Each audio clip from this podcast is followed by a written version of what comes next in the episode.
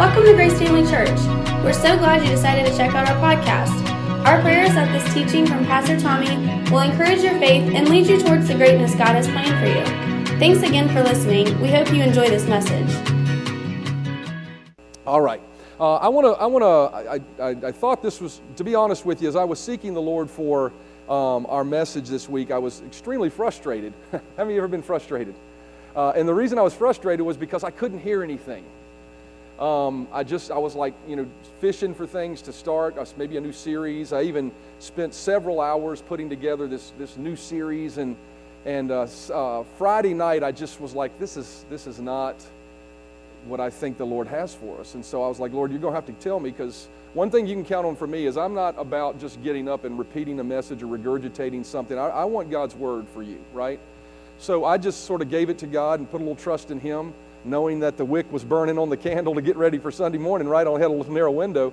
But uh, as I said, Saturday morning, um, I, I, literally, because I really went to bed in peace at that point, I was frustrated up until I laid my head on the pillow and said, Lord, I'm giving it to you. How many you realize when you just give stuff to God, sometimes it just relieves the burden?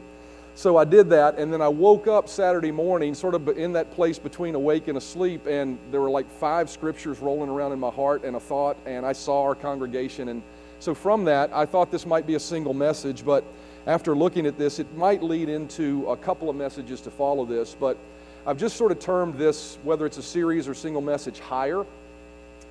Uh, and and uh, this is uh, called It's Time to Move Up. Everybody say it's time to move up higher. Uh, I want to read to you the verse of Scripture that I'm going to sort of use as a foundation for today, and then we'll sort of get through this. But Revelation chapter 4 and verse 1 says, uh, after these things I looked, and behold, a door standing open in heaven. And, I, and behold, I beheld a door standing open in heaven. And the first voice which I heard was like a trumpet speaking with me, saying, Come up here, and I will show you things which must play, take place after this. Let's pray before we get started. Father, thank you so much for your word. Thank you for um, your spirit. And I just ask you to use me.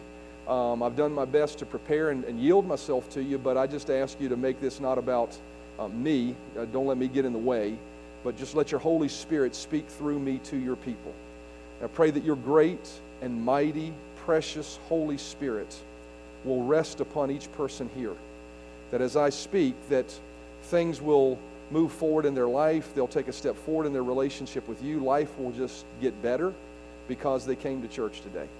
I just give you praise and thanks for that, Lord, in Jesus' name. Amen. You know, as I said, as I was really seeking the Lord um, all week about what to share, you know, um, I really found myself in a position, you know, I even said this to my wife earlier in the week. Um, I, I, I, said the phrase, you know, I'm just bored. Have you ever just been bored? And, and, and I, I found myself sitting on the back porch you know, uh, trying to figure out, you know, amongst seeking God for the message, trying to figure out what, what can I do not to be bored? Never been there before. Uh, and as I and as I got to thinking about that, I really thought about, you know, how uh, how much we rely on our hearts and our minds to be entertained. Uh, you know what I mean by entertained? I really mean to be occupied, right? Because sometimes what we fill our minds with really isn't that entertaining. It just occupies the dead space, right? Um, and, and, as I was thinking about that, I really I, I found myself really thinking about you know um, the fact that our culture is so driven for, towards that. You know, our culture drives us with the technology and the streaming and the inter- all the things that the world calls entertainment. They're so geared at occupying our mind. Um, and, and, so I find, we find ourselves, you know, um, uh, with really um, these moments where our mind is unoccupied and we can really become bored and really wonder, you know, what is the next great thing that, that could entertain me? And although these things that we find provide temporary distraction, what I found to be true is that they never really satisfy the longing on the inside of us that we have. Um, and, and we can never, and, and, and so we can find ourselves bored. And I thought about this word boredom, and it's really what I want to focus on because what, what, is, what is boredom? Boredom is simply this it's the state of being weary and restless through lack of interest. The state of being weary or restless through lack of interest. And you know, this can be experienced, boredom can be experienced whether you're doing something or not doing something. It's really not a matter of what you're doing or what you're not doing. It's really a matter of, it's a matter of what, how much interest you have in it. You realize you can be in a relationship and bored with it, right? Or you can be out of a relationship and bored because you don't have one, right? You can be in a job and bored with it or you can have no job and be bored because you have nothing to do with your time, right? So boredom is not really a matter of, of what you're doing. It's a, it's a state of mind, and it's really, I, I believe it's even more than that. I believe it's a state of spirituality that we have to address. This sense of boredom leads us oftentimes to cast aside even the values that we may have to try to find the next great entertaining thing. What do I mean by that? You, you know, think about it. You're in a relationship, and how many people say, We're just not in love anymore? You ever heard somebody say that? And what they're really saying is, I'm bored. and, and what winds up happening many times is because we go through those seasons of boredom, we wind up looking for the next entertaining thing. And oftentimes we can throw away something that God cherishes and says is valuable, right? And, and so we can move on. And, we, and, and so what winds up happening many times is we can be, just become a rolling stone. You ever heard the phrase rolling stone that never gathers, gathers any moss? We just move from one thing to the next and never anything really of value taking place in our life. We can become consumers of relationships. We can jump from job to job. Or, you know, at the base level of it, we just jump from distraction to distraction, right? What's distracting distraction? Well, let me look at Facebook for a little while. After I finish, you know, scrolling forever and finding nothing that's of real interest, let me open up this game on my phone or let me turn on the TV and stream something and binge it for hours upon end, right? And I'm not saying, uh, you know, I'm not saying that, you know, some of that stuff is, it's nice to enjoy, and I'm not saying any of it's wrong, but I got to tell you, when, when, when, when every time we find a place of where our mind begins to get still, we have to find something else to fill it. I believe that's a symptom of something that I really want to address this morning. I believe much of what we've called entertainment is actually not entertainment, it's distraction. Everybody say distraction. Matter of fact, my new term for the culture's entertainment is it's not an entertainment, it's a distraction. What is it a distraction for? It's a distraction, first of all, from your mind getting still. There, God wants your mind to get still at times. And, we're going to talk about the reason for that, but it's a, it's a distraction really to occupy our minds and to turn our attention away from what can really, truly satisfy our souls. As I contemplated this in my mind, I was drawn to several scriptures, you know, Saturday morning as I was really seeking God and really He was speaking to me about what to talk to the church about. And I, He drew me to certain scriptures that I believe He wants to highlight for us today. And I believe the ultimate goal of this is really for us to understand how we're wired, understand when we face those moments of boredom, what's really taking place on the inside of us. Because what this changed for me was really this. You know, typically when I find myself being bored, I become dissatisfied and I become frustrated because I'm bored. But what this message, and I believe this series is helping me understand, is that when I'm becoming bored, I should at that moment get very excited. I, could get, I should get very excited because it is that moment that I've depleted all the distractions that don't satisfy me, and I'm ready to actually hear and receive what really can satisfy. Isaiah chapter 53 and verse 1 says, Come, all you who are thirsty. Come to the waters, you who have no money. Come buy and eat. Come buy wine and milk without money and without cost. He's saying, Come to me because what I have is free. Why spend money on what is not bread and your labor on what does not satisfy? Listen, listen to me and eat what is good, and you will delight in the richest affair. Give ear to me and come to me. Listen that you may live. This scripture points out that there are things that we seek oftentimes in our life that cannot satisfy us. We seek entertainment. We seek uh, uh, uh, hobbies. We speak, seek sports endeavors. We consume relationships. We do all of those things. And, and all of those things, the Bible says God gives us all things to enjoy, right? All of those things are not bad in and of themselves if they're not, you know, truly intrinsically bad, right? They're, they're things we can enjoy. But the reality is, is that we seek those things, and I think it's really interesting that we seek those things often before we will turn our heart toward God and seek Him. And that's what he's saying in this verse. He's saying, listen, you're seeking all these things and they're not satisfying you.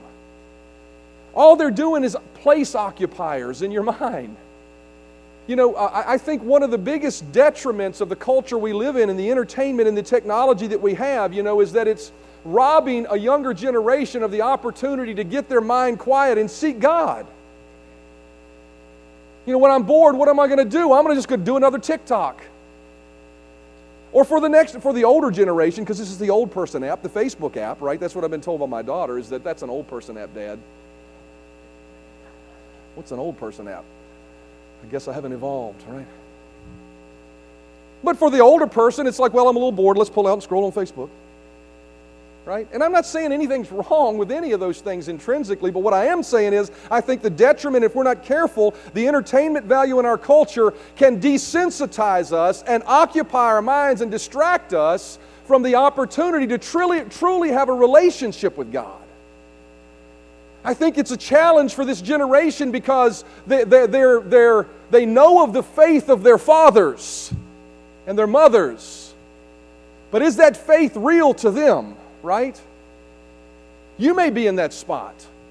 I believe there's an opportunity with boredom, right? To be able to discover something within ourselves and to find what would really satisfy us instead of just occupying that place of boredom with something else that's just going to not satisfy us when it's all over and we're looking for the next great thing. In Him is where we can find true satisfaction. And that's what that verse is saying. He's saying, if you'll come to me when you're bored, you'll come to me when your heart's not satisfied, if you'll come to me in those moments instead of, instead of uh, occupying your mind all the time with something that's just a distraction, I will satisfy you. And that's the real thing that I want us to get across this morning is that in the heart, deep within every one of us, is a desire for satisfaction of our souls. A desire and, and that, that satisfaction can only come. It can only come. This is not just me saying this, this is a fact. It can only come from a vibrant relationship with Jesus. It's the only place it can come from. It can't come from a job. It can't come from a career. It can't come from a calling. It can't come from an app. It can't come from a game. It can't come from anything other than getting to know the one who created you. And so, you know, I, I, think it's important for us to answer, understand that the answer for your boredom is not the next TikTok, the next Facebook post, the next game, the next uh, series that you can find to binge. The answer to your boredom is Jesus. Now, that may seem like a religious thing to some because it's so far fetched, right? Maybe you've never dug into Him and you think, how could that be, how could that satisfy me? I'm telling you, there are things hidden within Him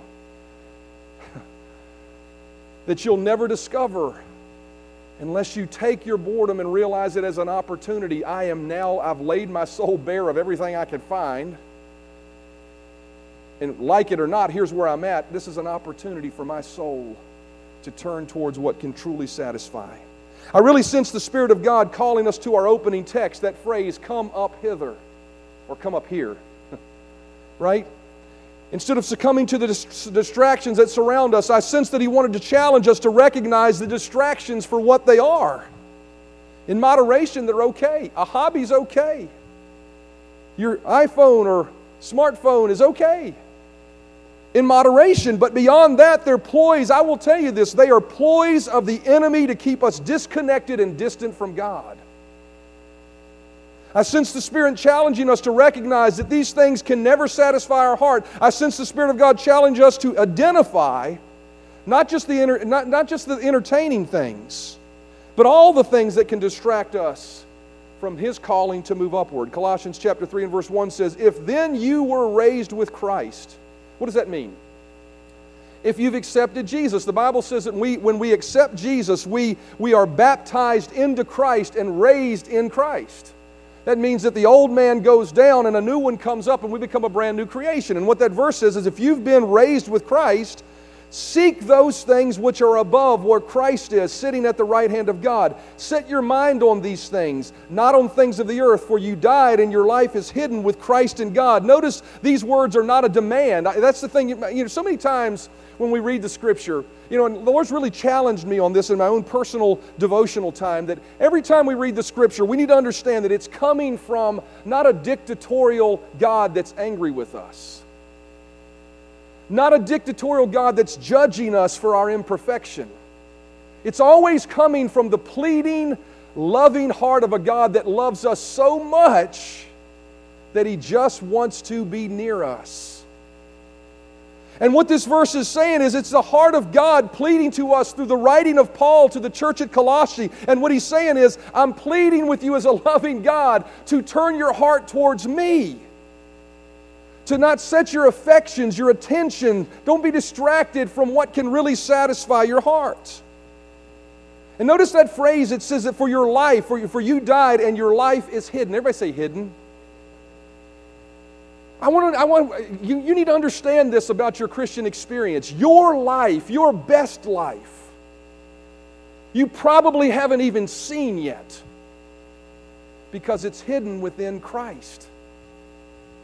The best things in your life have not, you know, what that tells me is that if I want to know the fullness of what He's called me to, if I want to know the fullness of uh, uh, and experience the, the real soul happiness that He wants me to have, then I have to pursue Him. I have to look at that, that what, what, what that is as a treasure. Hey, you, do you realize that what, what, when He accepted Christ and the future He gave you is an absolute treasure? It's an absolute treasure. It's a life secured and planned and purposed by the creator of the universe, and it's laying out there for us. And he says it's hidden, though. So, what that tells me is if it's hidden, your very best life very well may be something you haven't even seen yet. And you know, sometimes you don't see the end until you get there, right? Sometimes God trusts you to walk by faith and take steps of faith, and that's okay. But we need to always remember this that no matter where we are, no matter what we've attained to, no matter where we're going, that our best life lies ahead of us and it's hidden with Christ and God. At least, you, and so, and so it, uh, to me, that should excite you about a relationship with God, that He wants to show you things that you haven't seen yet. He wants to do things for you that you haven't experienced yet. And notice we're encouraged to seek and to set. This verse says, Seek those things and set your affections. That word seek means to pursue as if you're hunting for it. You know, every day of our life should, you know, God's not hiding from us. I've always taught this. God's not hiding from us, even though our life is hidden with Him. And the reason it's hidden is not because He's hiding from us, but because we're carnal. How many ever, how many of you realize you're just not perfect, right? And the Bible says we see through a glass limitedly on this side of heaven. And no matter how close we can get to God and no matter how much God tries to reveal to us, there's always going to be limitations to what we can see and understand until we get to heaven. There's just that's just the facts. But we should, we should make it a point that number one, we're seeking, we're pursuing after Him as if we're hunting for Him. You know, what's the next, what's the next great, you know, we hunt on Facebook, right? What are we looking for? That next thing that'll tickle our mind. The next thing that'll make us laugh, maybe make us cry, maybe make us think. What the scripture says is how many times, I mean, how many times have you stopped to scroll with God? How much time have you stopped to just put your phone down and say, okay, let's just do this with heaven? See, he's calling us to that place. We've got to seek him. And that word set is a really interesting word because it means to fixate steadfastly against all distraction or opposite momentum. You know, I think about setting things. I think about, you know, when I was building my house many years ago and we put our deck uh, in the back, we had to put down footers. Right? Why were those footers had to be put down? They had to be put down because my deck had to be set so that when my fat rear end walked out on it, it didn't fall down on me. Right?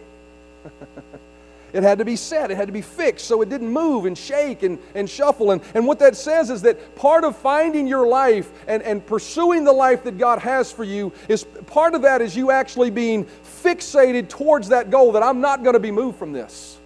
Isaiah said, I have set my face like a flint where I, I, I fixate my, and, and I set myself, purpose myself that every day I will not be distracted the momentum of the world to distract my mind and fill it with something that's meaningless. I won't be distracted by that. It doesn't mean you can't enjoy those things. And I would never want anybody to walk away from here and think that God just wants you to become some super prude that never does anything, right? I'm not saying that.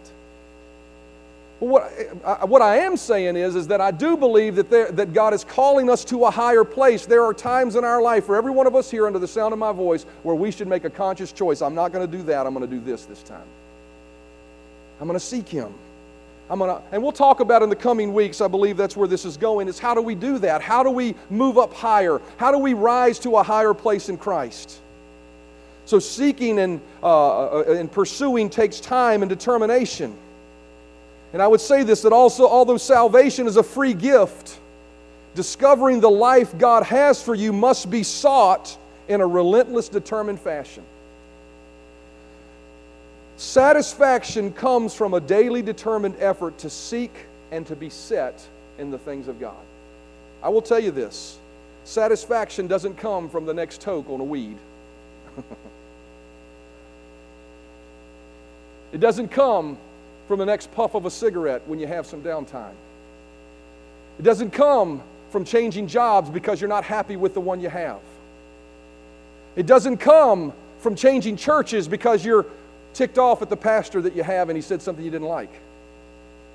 Satisfaction in life comes from being determined and set to seek the face of God in the place that He has me every day. Matthew chapter 5 and verse 6 says, Blessed are those who hunger and thirst for righteousness, for they shall be filled. What that verse tells me is that if you're hungry and you're thirsty, to me, that is a symptom of spiritual boredom. if your heart is not satisfied, is what He's saying, it's available for you to be filled. I liken this hunger that he talks about is not something that we have to work up. See, a lot of times we read the scriptures as God's driving us with a whip, and we read that verse like he's saying, You need to be hungry and you need to be thirsty. But once again, everything God does is a beckoning call from the heart of a loving God, and what he's saying to us is, is if you are hungry and if you are thirsty, you may not realize it's for righteousness, but that's what you're hungry for. You can be filled. I believe this is a cry to Jesus to the human condition. That when every man, that, that, that within every man there is a hunger and a thirst for what only God can satisfy. It's actually a call to find satisfaction from what He can give you instead of the latest, greatest distraction. Jesus was saying here that if you are bored and dissatisfied, He is the answer. He was encouraging us to turn to Him. Isaiah chapter 55 says, Seek the Lord while He may be found, call on Him while He is near.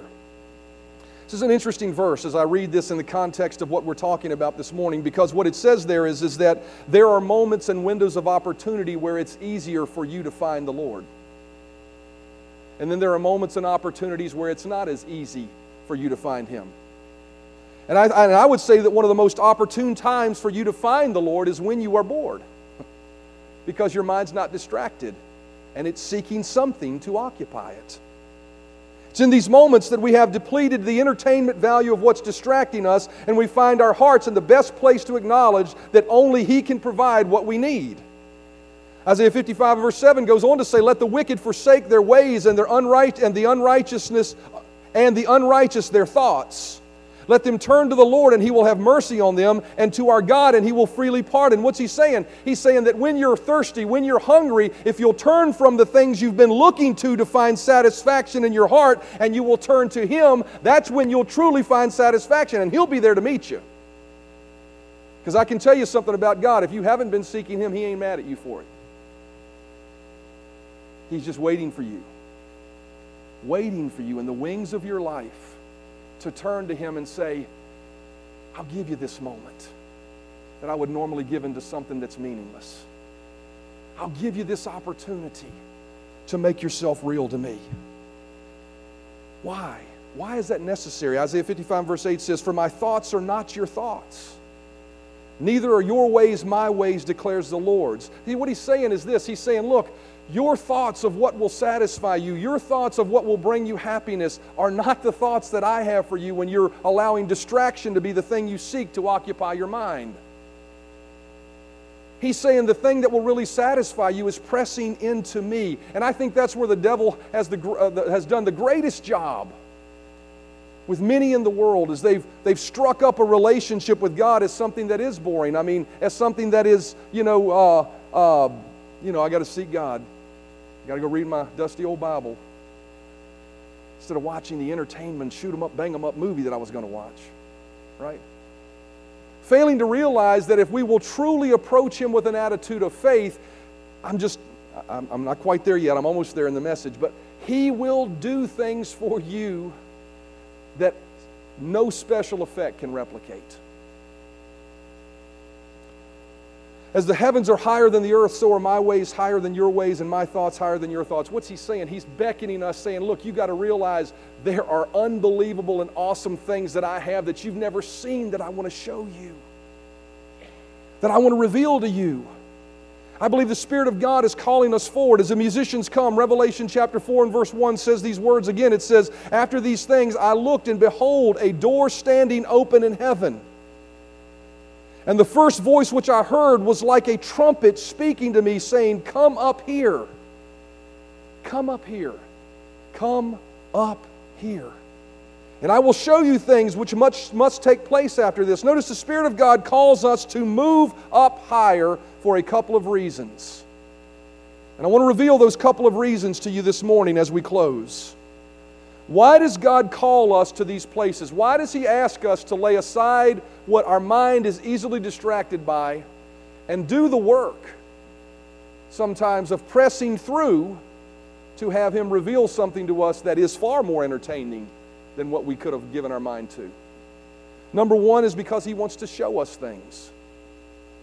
He wants to show us things. He wants to reveal to you the real places about your life and your future. Jeremiah chapter 33 and verse 3 says, Call to me and I will answer you and tell you great and unsearchable things you do not know. He says unsearchable things. I want you to think about that phrase for a minute because God does not mince words and He doesn't choose words just irrelevantly. That is a specific word that the Spirit of God spoke through Jeremiah. He said, I will show you unsearchable things. What does that mean? I will show you things that all your searching will never find. I will show you things that will satisfy your soul that you'll never, ever be able to search out and find anywhere else. God has so many unbelievable things to show us that are far greater than the things that entertain in the world. There's a realm beyond the limits of our mind where we find the divine, where we find the supernatural, where we find the places where God Himself speaks to us, where we see things we've never thought we would see. It's the realm of eternity. There are things about our destiny and purpose He desires to reveal to us that are hidden in Him. He calls us to a higher place for another reason as well. As we look back at our text, it says, After these things I looked, and behold, a door standing open in heaven. I would ask you in your own mind's eye to close your mind eye right now and listen. There is a door opened, there is an effectual before you, there is a window in front of you right now a door standing open, and the first voice which I heard was like a trumpet speaking to me, saying, Come up here, and I will show you things that must take place after this. But secondly, he says, Immediately I was in the Spirit, and beheld, and behold. This is what he saw a throne set in heaven and one sat on the throne. I want you to think about that for a moment. We could blow by that. But when he chose to turn his attention and set his attention and fix his attention on seeking the Lord and answering that call, that, that dissatisfaction in his heart by giving it to God, he saw the very throne of God. He saw it. He didn't just hear about it, he didn't just read about it he saw God's throne and the one that sat on it.